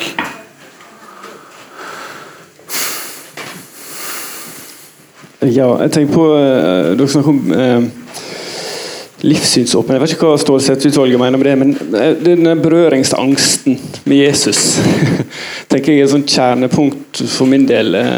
enten jeg som sosionom jobber i helsesystemet, eller som privatperson, um, så, oppleves det jo den kristne humanistiske virker som de siste ti åra kanskje blitt mer dominert av den humanistiske.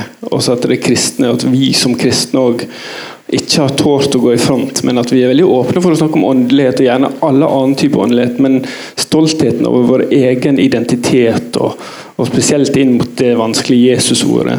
Altså, denne berøringsangsten der um, jeg vet ikke, Har, noe, har dere noen tanker om det, eller hva kan vi gjøre for å bli mer stolt av vår egen tradisjon og oppdage viktigheten av det? Kanskje derfor dere skrev boka? vet ikke. Tusen takk. Jeg, syns i hvert fall det er veldig fint sagt som en utfordring. Um, og så er det jo ikke sikkert alle opplever det på samme måte, for vårt land er sammensatt, nok en gang ikke avisen. Uh, og det er annerledes i enkelte steder i det som noen ganger kalles bibelbeltet enn det er i storbyene, men jeg tror likevel det er riktig som en generell observasjon. Og Hvis jeg da skal forsøke å være selvkritisk overfor Kirken, så kan man jo nettopp mene at vi har vært for redde for å snakke om Jesus og snakke om eh, tradisjonen vår som noe vi syns er viktig og flott å ta vare på.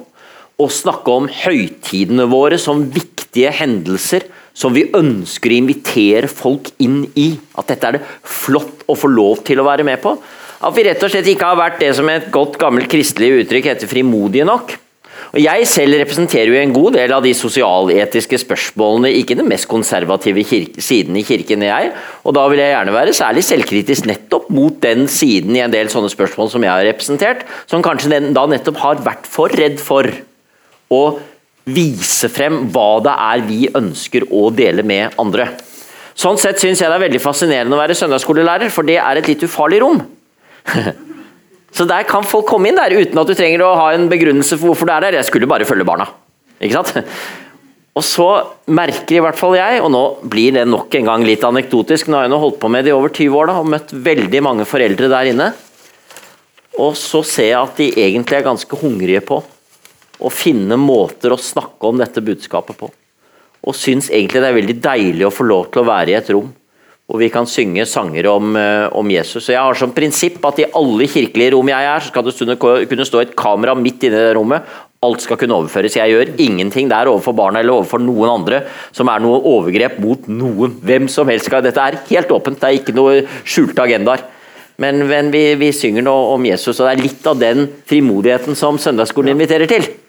Som jeg nok tror Kirken som helhet kan ha godt av å gjøre mer av. Så er det mange og som det gjør det. Er, uh, bare heng meg på Henrik ja. der. Altså Denne boka her har en slags sånn dobbel adresse. Den ene adressen, og den har vi jo stort sett snakket om i kveld, det er jo at vi ønsker å være en stemme inn i offentligheten. Og, og det offentlige ordskiftet om kristendommens uh, plass i, i, historie og virkelighet i Norge i dag. Det andre uh, anliggende, og det er noe av det som du tar opp, det er dette ordet stolt. Altså jeg, når jeg avslutter det første kapittelet om kristendommens møte med Romerriket og Norge, så spør jeg da helt til slutt kan vi være stolt over Kirken En ting er å være stolt over Jesus, men går det også an å være stolt over Kirken? Alle har jo hørt om korstogene og alt det fæle Kirken har gjort. ikke sant? Men fins det også noe her som vi virkelig kan si at ja, men dette er verdifullt? Dette, dette, gjenkjenner vi som vårt. Dette vil vi løfte fram i dag også og være stolt over. og Det mener jeg absolutt at det er. Så jeg mener jo at vi som kristne er altfor forsiktige på egne vegne. Vi er altfor tilbakeholdne. Vi lar andre herje med oss. Istedenfor å stå opp og si at vi er kristne. Og det er vår tradisjon som har forma dette samfunnet mer enn noe annet. Og det ber vi ikke om unnskyldning for. Så er det veldig mye annet som også er å si. Men det å tørre å si at det er, det er mye å være både takknemlig og stolt for i, i, det som vi kaller for den kristne arven. Det, det er nok et viktig anliggende for oss. Og det mener jeg ikke så ofte er blitt sagt, faktisk. Det er en forlegenhet. Det er en hånd her nede også. Så først en der oppe, og så der. Ja. Jeg heter Torbjørn Wilhelmsen og er aktiv i Europabevegelsen. og Vi har tenkt å løfte denne debatten opp på europeisk nivå den 9. mai i samme lokaler i Litteraturhuset. Eh, for hva er en europeisk verdi? Man snakker mye om verdier også i Europa. Men eh, jeg syns tittelen på boken er veldig spennende. Altså, Hvor kristen skal Norge være? Liksom, her, her, åpner det for en sånn gradsvurdering. Så Hvis en tar eh, medienes terningkast 1 til 6, hvor kristent er Norge i dag? og La oss si om ti år, hvilket terningkast blir det da, sånn som dere ser det? Skal vite hvor lenge vi holdt på med den tittelen. ja, på et tidspunkt måtte vi bare slutte diskusjonen, for boken skulle i trykken. Eh, men jeg vet ikke om du har lyst til å si litt om akkurat det? Vi har ikke drevet terningkast her, altså. Mm. Det er en veldig god tittel, det vil jeg si ja, meg helt enig i. Det, altså, det, er, det er en provoserende tittel, og det er også en provoserende forside. Fordi Henrik og jeg, og særlig jeg, står og er veldig breial. Og liksom gullkorset bare lyser fram. Så, så den eh, Jo, men det var det med å være frimodig. Ja, det er, det, det er en litt sånn talende forside sånn sett, da. Eh, men eh, det er veldig vanskelig å gi noe terningkast. Jeg tror når det gjelder det norske folks hva den kristne tro betyr faktisk for det norske folk, så er det, er det på nedadgående kurs. Det er det ingen som helst tvil om. Man søker andre steder for å tolke sine liv. Uh, og Det må vi bare se i øynene. Og Der har vi en kjempestor utfordring, som vi da først og fremst møter gjennom trosopplæringsreformen. Mm. Som er et veldig bredt anlagt arbeid med å nå barn og ungdom. Mm. Mm. Uh, men den, den, andre siden av saken er jo at selv om dette skjer, så opplever vi jo fortsatt at tilslutningen til, til si, de kristne symbolene, til den kristne grunnfortellingen og nettopp denne oppslutningen om Grunnloven. Det rare var jo at da disse grunnlovsparagrafene ble vedtatt i Stortinget, vet dere hvor stort flertallet var? Det var altså 100% Det er mulig at det var én dissident som stemte imot. Men fra SV til KrF så var det full oppslutning om disse formuleringene. Og Det er en grunnkonsens fortsatt i det norske samfunnet at dette er verneverdige ting. Ja. Jeg har bare lyst til å legge til at jeg anbefaler veldig gjerne den debatten. Skulle jeg ønske kunne være der selv. Kjempebra at Europabevegelsen setter det på dagsordenen. Fordi dette er jo et av de store spørsmålene i vår tid. Hva er det europeiske vi? Hva er det europeiske etnos? Og det er jo sammensatt. Det består jo i dag av veldig mange mennesker som er muslimer, og kan til og med komme til å inkludere et Tyrkia. Og Likevel så vil vi vel mene at det også er noe som binder oss sammen i en europeisk tradisjon som faktisk er, på akkurat samme måte som vi har argumentert for her, en kristen og humanistisk tradisjon. Og det, Dette har det vært mange debatter om, for all del, men de debattene er ikke over overhodet. Jeg tror de faktisk er veldig viktige for Europas uh, overlevelse. Så får vi bare inderlig håpe at det ikke blir brexit i 23.6. Det tror jeg blir farlig. Men det er en helt annen debatt. Er det ikke Melodifestivalen Grand Prix som uh, ja, det er binder Europa sammen? Ja, det er riktig. det var, ja, det var jeg vet, ja, der. Det var et spørsmål inn mot uh, helgedagsfreden. Hvem er det etter denne diskusjonen, hvem er det som skal ivareta de verdier som ligger bak helgedagsfreden? Når vi ser at det er arbeiderrørsla, det er faktisk også arbeidsgiverne som vil hegne om den. Men så har vi da altså en, eh, en høyrekonservativ regjering som på mange måter i sammen med Venstre vil ha dette så fritt som det bare kan. Og så spør jeg, hvem skal ta kampen om å ta vare på helgedagsfreden, der jeg føler kanskje at nettopp vår kristne arv blir sett på en veldig sterk prøve, og som føler ofte at Kirka er litt forsiktig her nå. Er det arbeiderbevegelsen, eller er det fagrørsla, eller også bare dette? Når da politiet, når da eh, kirke, i anførsel statsråden og kultur eh, Helland går ut og sier at dette er en politisak, enda det er så tydelig at her eh, manipulerer det i søkk og kav. Men politiet er mer opptatt av å ta fartssyndere i stedet for å ta kjøpmenn. Jeg spør hva er dimensjonen, og hvem vil ta kampen om å ta vare på helgedagsfreden? Vi setter over til Høyre. Jeg forventet meg at han skulle si akkurat det. Takk for et godt spørsmål. Takk for et godt spørsmål. Og for all del, biskopen har, har sagt og sier ennå mye klokt om dette, så jeg gir gjerne ordet tilbake til ham. Men veldig kort. Det man jo så i partiet Høyre, var jo nettopp en veldig sterk reaksjon mot sitt eget parti i regjering. Det var faktisk veldig mange mennesker rundt omkring i landet som opplevde at ja, men her er det noe mer enn en spørsmål om åpningstider. Her er det snakk om institusjoner, her er det snakk om tradisjon. Her er det snakk om en måte å organisere samfunnet på. Her er det snakk om noe vi kan komme til å angre veldig på å ha gjort etterpå, og som vi skal passe oss for før vi endrer på. Og Dermed er jo egentlig saken mer eller mindre lagt på is, og der kommer den nok til å ligge en god stund. Jeg er nok blant dem som mener at det finnes enda større saker her i samfunnet. Jeg tror nok samfunnet vil kunne overleve at det er mer åpent på søndag. Jeg er ikke for det, og jeg har både praktiske argumenter for det og tradisjonsargumenter for det. Jeg mener faktisk det er en veldig interessant prinsippsak. Og jeg synes Det har vært en viktig debatt internt i partiet Høyre om det, som har vært avklarende på mange måter, om ikke alltid det er Jeg skulle ønske at enda flere hadde havnet på det jeg mener er den rette siden. Men når det er nesten blitt fremstilt sånn, og jeg er veldig glad for at du tar opp spørsmålet, men som en sånn være eller ikke være-sak, så vel i USA, de aller fleste steder, så fortsetter kirkesøkningen i stort monn selv om det er åpent på søndager. Jeg tror ikke det er de søndagsåpne butikkene først og fremst som er problemet. Men det er en viktig nok sak, og jeg er glad for Jeg er, veldig, jeg er ordentlig stolt av det. Den groundswell, heter det vel på engelsk, den motstanden som faktisk kom blant folk. At dette her vil vi ikke ha. Og den, Det ser man ikke så ofte, gjør man det? Ja? For at ting skal bli mer åpne og skal få flere timer. Den feilen ble gjort for mange år siden. Den ble gjort av Høyre, som ikke bare inngikk et forlik med Kristelig Folkeparti for årevis siden og bevarte helligdagsfreden. For Hadde man gjort det og sagt etter klokken to på søndager så kan du grunnen gjøre det du vil, så hadde man løst problemet for årevis siden, men det, de, så, det klarte de ikke, disse politikerne. ja. Nei, men altså, det er, jo, det er, jo, interessant å se hvilke argumenter er det som føres til torgs mm. for søndagsåpne butikker. Eh, søndagen er jo et av de tydeligste merker eh, i det norske samfunnet av, av kristen karakter. Og Da eh, kristendom kom til Norge, så var jo søndagsfreden var jo noe som var helt absolutt. At eh, på søndag så skulle man hvile, enten man ville eller ikke. Og De argumentene som anføres i dag, hva er det, Henrik? Det er jo konkurransen. Jeg mener Av alle dårlige argumenter så er konkurranselikhet det dårligste. Og Det viser hvor Høyre har sin hellige ku. Det er i næringslivet. Den kuen er satt på bås, så ingen fare. Den tar vi til middag, Henrik. Ja, Den skal vi spise i fellesskap. Ja, det er bra, det. Ok.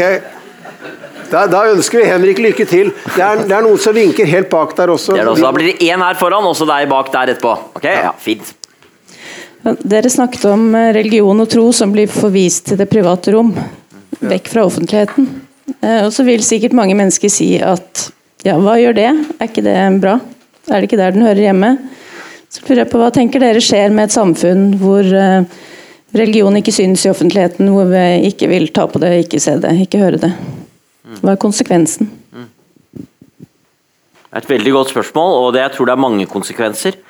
Så Hvis jeg skal gripe fatt i en av dem som er veldig interessant i lys av debatter vi har i Europa nå om parallellsamfunn, så er den jo bl.a. det at mennesker som opplever en sterk tilhørighet til en religiøs tro, heller vil trekke den bort fra resten av samfunnet, og vil oppleve seg selv på siden av samfunnet.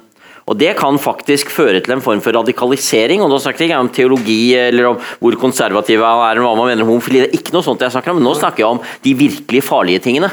Hvor religion blir noe man har en berøringsakt overfor, og dem som da opplever, de som da opplever at ja, men dette er jo veldig viktig for min identitet. Jeg kommer inn i dette samfunnet fra Somalia eller, eller fra, fra, Syria, og så opplever jeg at jeg kan ikke engang snakke om det jeg er, men dette er jo det viktigste i livet for meg. Vil da nettopp dyttes inn i forskjellige former for parallellsamfunn. Og jeg tror jo, Det er vel ikke en spesielt original sosiologisk hypotese at det er noe av det som har skjedd i Frankrike. For i Frankrike har man jo ikke engang anerkjent jeg vet ikke, Knut Vollebekk fortalte meg det. Han var eh, kommisjonær for OECD for minoriteter. og Han reiste da rundt i forskjellige europeiske land, og noe av det han gjorde på forhånd var nettopp å spørre om få en oversikt over minoriteter og minoriteters forhold i deres land. Og svaret i Frankrike var nei, vi har ikke minoriteter, de finnes ikke, for alle er franskmenn. Nettopp en form for syn på samfunnet. Dette eksisterer ikke. Ja, men det er da religi ja, men det er noe de gjør hjemme. Det er jo ikke noe i offentligheten. I offentligheten er vi alle franskmenn. Og så skyver man bort de tingene som folk opplever som viktige. Det er bare én av mange ting. Men rent i den politiske debatten vi har nå, så tror jeg den er, er ganske viktig og ganske kan potensielt sett være. Det ser vi vel. Ganske farlig. Takk for godt spørsmål. Ja, jeg lurte på hvordan Norge kan fortsette å være passe kristent i møte med innvandring, eh, skråstrek f.eks. islam? Det er morsomt at det begrepet 'passe kristent' kommer igjen, for det bruker ikke vi i boken. Eh, men jeg ser, det er, et godt, det er, det er også et godt Det var, det var kanskje min lille ja, der ser du hva greie, det. Men, uh, sånn skal du være. God journalist. Det vi jo heller snakker om, er jo en balansering av forskjellige hensyn, og hvordan vi kan ta vare på det. Og Det kan sikkert biskopen si mer om enn meg, men jeg vil bare kort gjenta et poeng vi har vært inne på tidligere, som synes å ha ganske godt grunnlag. Og det er nettopp at De som kommer til vårt land med et annet livssyn, er ikke de som reagerer mot at du har kristne symboler fremme, eller at man går til gudstjeneste før jul. Det viser seg jo det i de aller fleste skoler, at muslimske foreldre har ikke noe imot det. En del av dem vil til og med gjerne at barna deres er med på det, for det oppleves som helt naturlig at man er med på en religiøs fest. Og vi vet at det er relativt godt organisert, med gode alternativer for de som ikke vil være med. Og Jeg tror derfor at det er ikke egentlig innvandringen av mennesker med et annet religiøst syn som er det som er den store utfordringen vis-à-vis -vis det vi skriver om i denne boken. Noen ganger føler jeg, som antydet, tvert om. Men legg gjerne til noe. Nei, altså jeg tenker jo at Den viktigste mobilisering som vi kan gjøre i møte med innvandring eh, og, og muslimer som kommer til landet, i kanskje et stort antall, det er jo både å, å være bevisst på hva er det vi står for, Eh, og, og, til og med være stolt over det som vi kan kalle for vår kristne og humanistiske arv. Og være frimodig på det, og samtidig si at det er jo en del av denne arven å være åpen mot de fremmede. Det er en del, altså jeg synes Det var veldig gripende å se at de tolv som paven tok med seg fra Var det Lesbos han var på? Ja. De var jo muslimer, ikke sant? Og Det tror jeg var veldig bevisst. Han tok altså ikke kristne. der Det var sikkert også kristne syrere der som gjerne ville komme til Italia. Han tok da tolv muslimer. Og Det er et veldig tydelig tegnhandling fra pavens side på at vi som kristne skal åpne for alle. Og Samtidig så er det klart at det, er en del eh, ting som kan gi bekymring eh, knyttet til eh, islam. Og Det handler jo ikke så mye om hva den jevne norske muslim tror eller står for som det potensialet som kan ligge i islam hvis det han har sagt faller i gale hender. Hvis du f.eks. får da store uh, kulturer av unge menn som er arbeidsledige og som leter etter en misjon for sitt liv og en visjon, så fins radikale islam som en mulighet. og Da er det viktig at vårt samfunn da har en verdimessig mobilisering. Og ikke bare sier at ja, dette syns vi er upassende og usosialt og upedagogisk, men at vi også har en, en religion som, og et verdigrunnlag som har en tyngde som vi kan sette imot dette her. For det er helt opplagt at det er bekymringsfulle trekk også ved islam som, som vi må møte. Og islam har jo ikke hatt den humanisering og den opplys renselse gjennom en opplysningstid som det, det kristendommen har hatt i vår del av verden.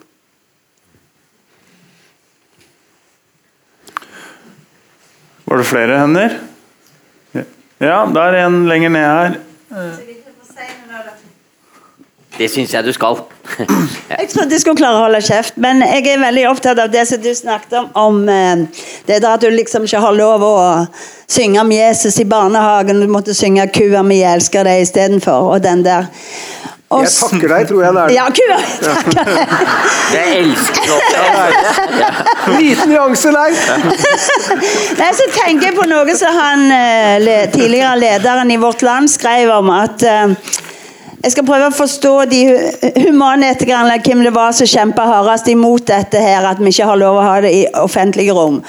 Og jeg sjøl har hatt eh, kristendommen oppi halsen og fant Gud allikevel da jeg var 30 år, og, og strever veldig med det der bok, eh, konservative bok, hva heter det, bokstavtro. Sant? Og, og, og da var det han i Vårt Land, eh, tidligere lederen, som skrev noe om at nå må vi tørre med så litt liberale òg, og si hva vi syns.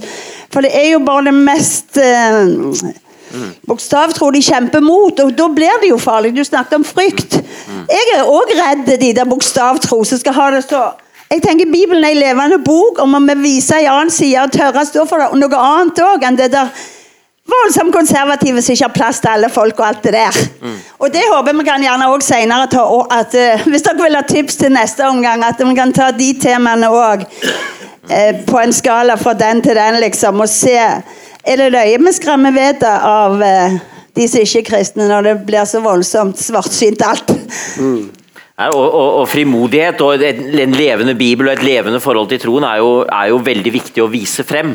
Nettopp så det ikke blir noe som oppleves som dødt. og Det er jo ikke nødvendigvis bare på en konservativ liberal skala, det kan være på innenfor liberale miljøer også. Eh, Så, men det er et veldig viktig poeng. Jeg har lyst til bare å legge til kort der at eh, jeg tror vi er veldig enige om dette, denne frimodigheten som vi trenger. og Det er fint å få lov til å synge om Jesus. Og Samtidig så vet jeg jo at det er veldig fint når vi gjør det, at vi er oss bevisst hvordan høres det. Og Sånn sett tror jeg også vi lutres litt av.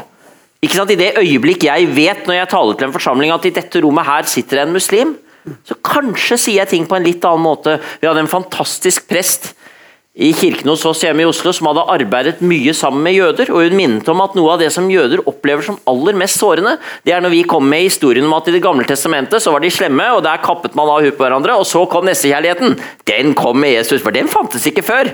Det er veldig annerledes enn hvordan Jesus så på det. Jesus så på seg selv som en som viderefortalte historien om nestekjærlighet fra Det gamle testamentet, som har sine røtter der og fullt ut beskrives der. Det er viktig.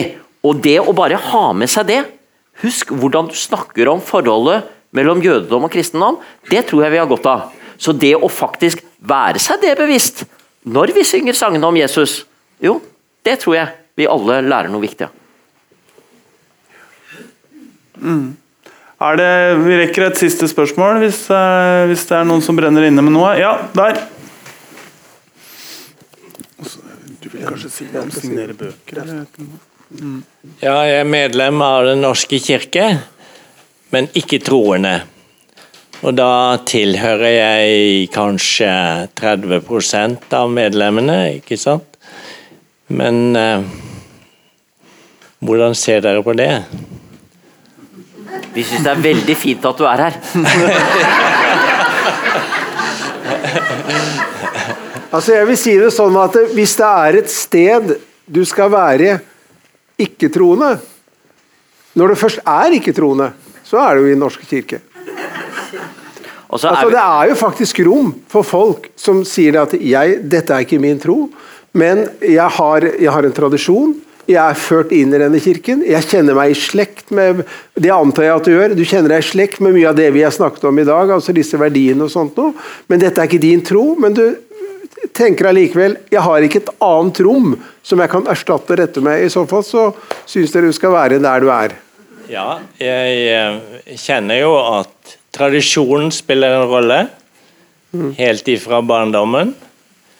Og det er vel ingen eh, god, et godt alternativ. Men det, det føles litt fremmed av og til når jeg går i begravelser, f.eks. Og det blir mye snakk om Jesus. Og der tror jeg vi er flere. Jeg skjønner veldig godt det du sier. Det jeg noen ganger er litt redd for, og bare uttrykk uenighet med meg hvis du vil det, Halvor, men det er at man noen ganger har et forhold til tro, ikke minst innenfor den nordeuropeiske protestantisme, som handler om en inderlighet.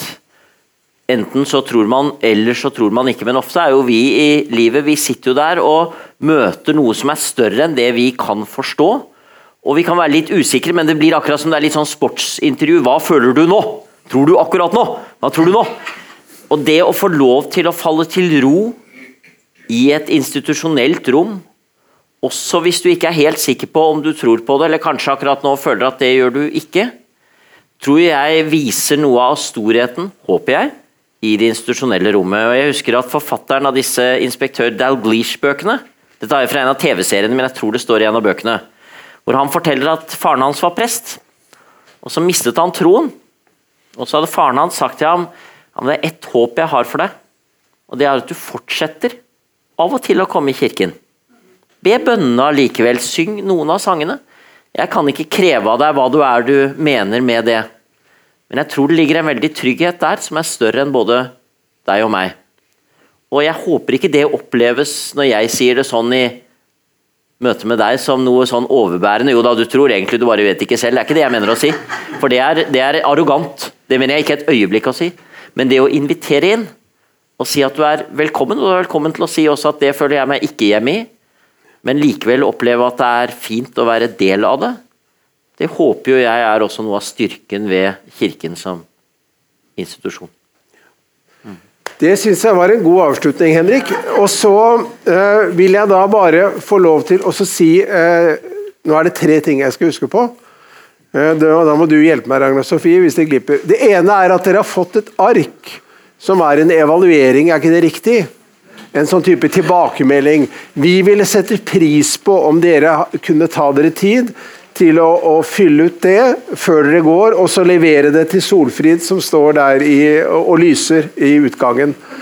Eh, det er det ene. Eh, det andre er at neste møte i denne serien, og det er det siste det, Da får vi en veldig spennende gjest 11. mai, Herborg Kråkevik, som skal snakke om kirka og kulturen, spenning eller harmoni. Mm, og Der er det veldig mye å snakke om. og Hun har jo mange interessante synspunkter og er jo en formidler ja, nær sagt, av Guds nåde.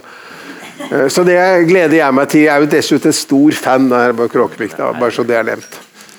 Det er nok ganske ensidig i den relasjonen. um, og så, uh, til slutt, så uh, er det da sånn at denne boka her Hva koster den forresten? 249, ja. Den, den, ligger der, og da kan dere kjøpe. og Da er det en representant for eh, Litteraturhuset som selger den boken. Og Henrik Preben vil gjerne signere, vil du ikke det? Jo. ja. Så da sier jeg tusen takk for i kveld.